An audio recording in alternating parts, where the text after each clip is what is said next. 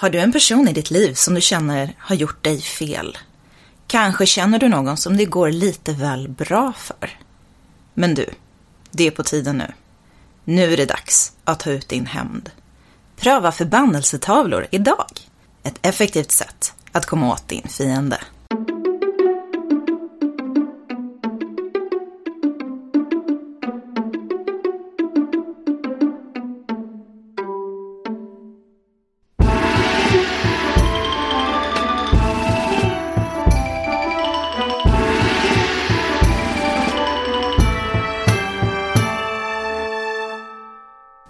Hej och välkomna till Podius Castus, en podd om antiken. Idag lyssnar ni på mig, Angelica, och dagens minisnitt handlar om förbannelsetavlor. Men vad är då förbannelsetavlor? Jo, det kan vara tavlor för kärleksformler, eller förbannelser över en fiende eller, ja, varför inte en kapplöpningshäst? De användes under antiken för att ta övernaturlig hjälp för att få makt över andra personer eller över djur. Frågan är då kanske varför förbannelsetavlor ens existerade under antiken. De uttrycker som sagt en önskan att få personer eller djur under ens makt, mot deras vilja och utan deras vetskap. I vissa fall önskades skada eller rent utav död. Också sjukdom, minnesförlust, mental lidelse, sömnlöshet, ofrivillig celibatet, förlust av familj eller hem, offentlig förnedring, förlust i krig eller tävling, misslyckad karriär, en dom i offentlig domstol, ett nekat efterliv eller ett generellt misslyckande i livet. I kapplöpningsförbannelser handlade det mest om att hästen skulle ramla, bryta benet eller slå bakut vid start. I få fall riktade sig dessa tavlor till icke-levande objekt, såsom en önskan att hindra offentliga badhus samt att Roms portar skulle bli nedslagna. Frågan är dock om förbannelsen var menad att läsas bokstavligt eller om det handlar om en språklig överdrift. Möjligen var det mest för ens egen skull som man skaffade fram en förbannelsetavla. Det beror helt på om förbannelsen var något man trodde på eller ej. Tavlorna kallas i modern forskning för Defixiones och katadesmoi. Katadesmos är grekiska och kommer från verbet katadein som betyder att binda. Det var ett ganska vanligt ord för dessa tavlor under antiken. På latin var ordet defixio relativt ovanligt, men vissa former av verbet defigere, som betyder att sätta fast eller att spika fast, förekommer. Tavlorna i sig är oftast i form av tunna bläck, alltså tunna bitar av metall. Ofta är de i bly, men de kunde vara tillverkade i andra material som ostraka, det är alltså krukskärvor, kalksten, ädelstenar, papyrus, vax eller kanske keramikskålar. Men bly och eh, blylegeringar var vanligast. Så varför använder man ofta bly och blylegeringar till dessa tavlor? Ja, det finns flera möjliga anledningar, men en av dem är själva blyets egenskaper. Och bly det är ganska kallt, tungt och vanligt. Inte extraordinärt på något vis.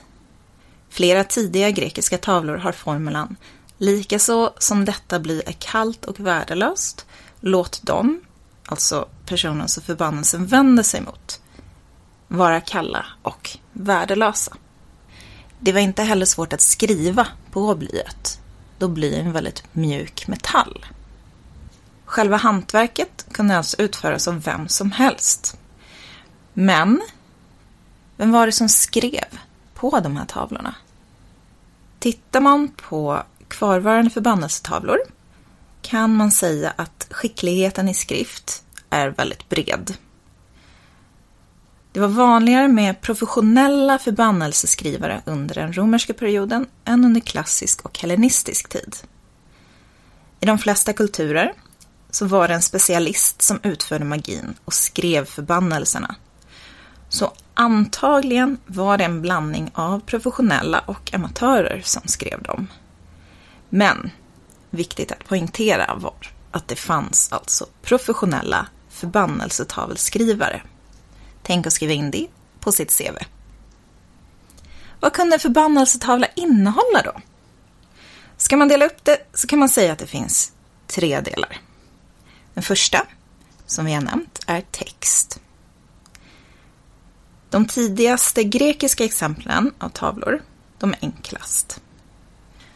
Runt 400 till 300 före vår tidräkning så kunde texten innehålla namnet på den utvalde, alltså den som tavlan riktar sig mot, och ett fåtal verb.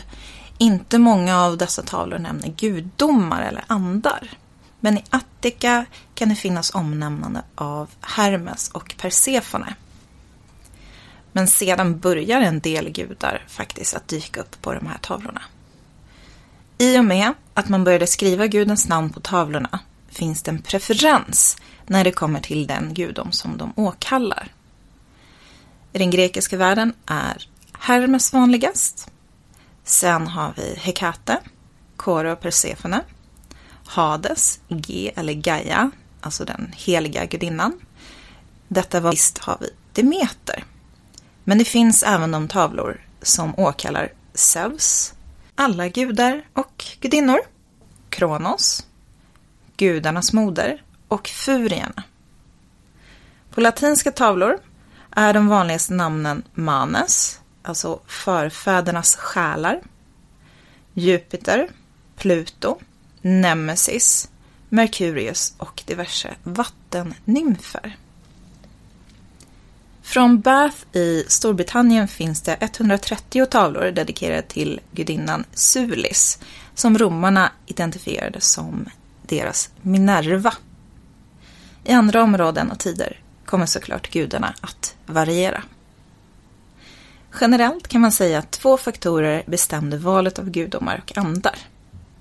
Dessa var lokal sed och tro och recepten som fanns tillgängliga genom formulering som användes av lokala experter. Texten på tavlorna kunde skrivas på ett speciellt sätt. Man kunde röra om namnet på den utvalde eller skriva namnet och ibland hela texten baklänges från vänster till höger, men med bokstäverna vända åt rätt håll. Det kan finnas en symbolisk mening bakom detta. Med några få undantag så förekommer inte mystiska ord eller formler på de grekiska tavlorna från klassisk och hellenistisk tid. Detta i kontrast till språket i romerska tavlor från det första århundradet efter vår tidräkning. Då var det bara av vikt att andarna förstod vad som stod på tavlorna. Därför kunde texten vara svår att tyda för vanliga dödliga. Texten kunde ha lånade ord från andra språk som hebreiska, arameiska, persiska olika former av antik egyptiska och koptiska. Tidiga tolkningar av sådan text har klassificerat det som struntprat. Men nu går vi från tavlornas text till den andra delen av förbannelsetavlorna. Teckningar. Dessa teckningar kunde föreställa människor, djur eller mixade varelser Just teckningar av mumier, styckade kroppar och figurer som var bundna med remmar eller ormar hade som mening att binda eller skada den tilltänkta på något sätt. Det var bilder och figurer som fungerade som medlare av kraften. Den tredje delen som man kan hitta på förbannelsetavlor är symboler, som förmodligen hade olika betydelser. Själva språket på tavlorna utgår från formler. Och det finns en del formler som man har kunnat uttyda. Man har exempelvis en direkt bindningsformel. Jag binder X. En bön om övernaturlig hjälp. Tygla X. Eller övertygande analogier inom vilka en önskan om att personen hen är ute efter ska ta på sig några av karaktärsdragen nämnda i förbannelsen. Så som i den tidigare nämnda önskan att X ska bli som blyet som tavlan är gjord av. Den sista informationen som man kunde lägga till på dessa tavlor var namnet på den tilltänkta. Ibland även namnet på den som önskar förbannelsen.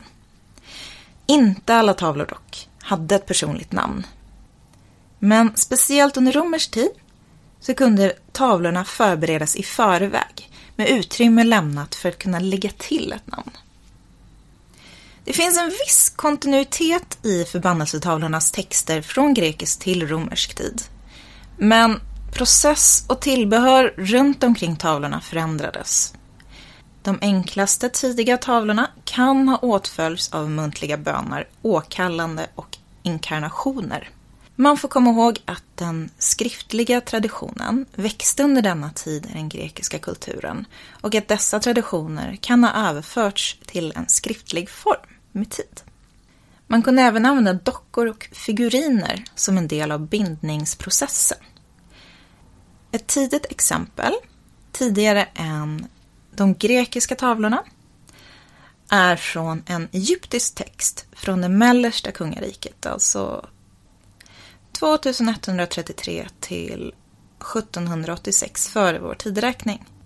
Som beskriver att man ska göra en vaxfigur av en fiende som ska grävas ner i en grav för att Osiris ska behandla denna person hårt.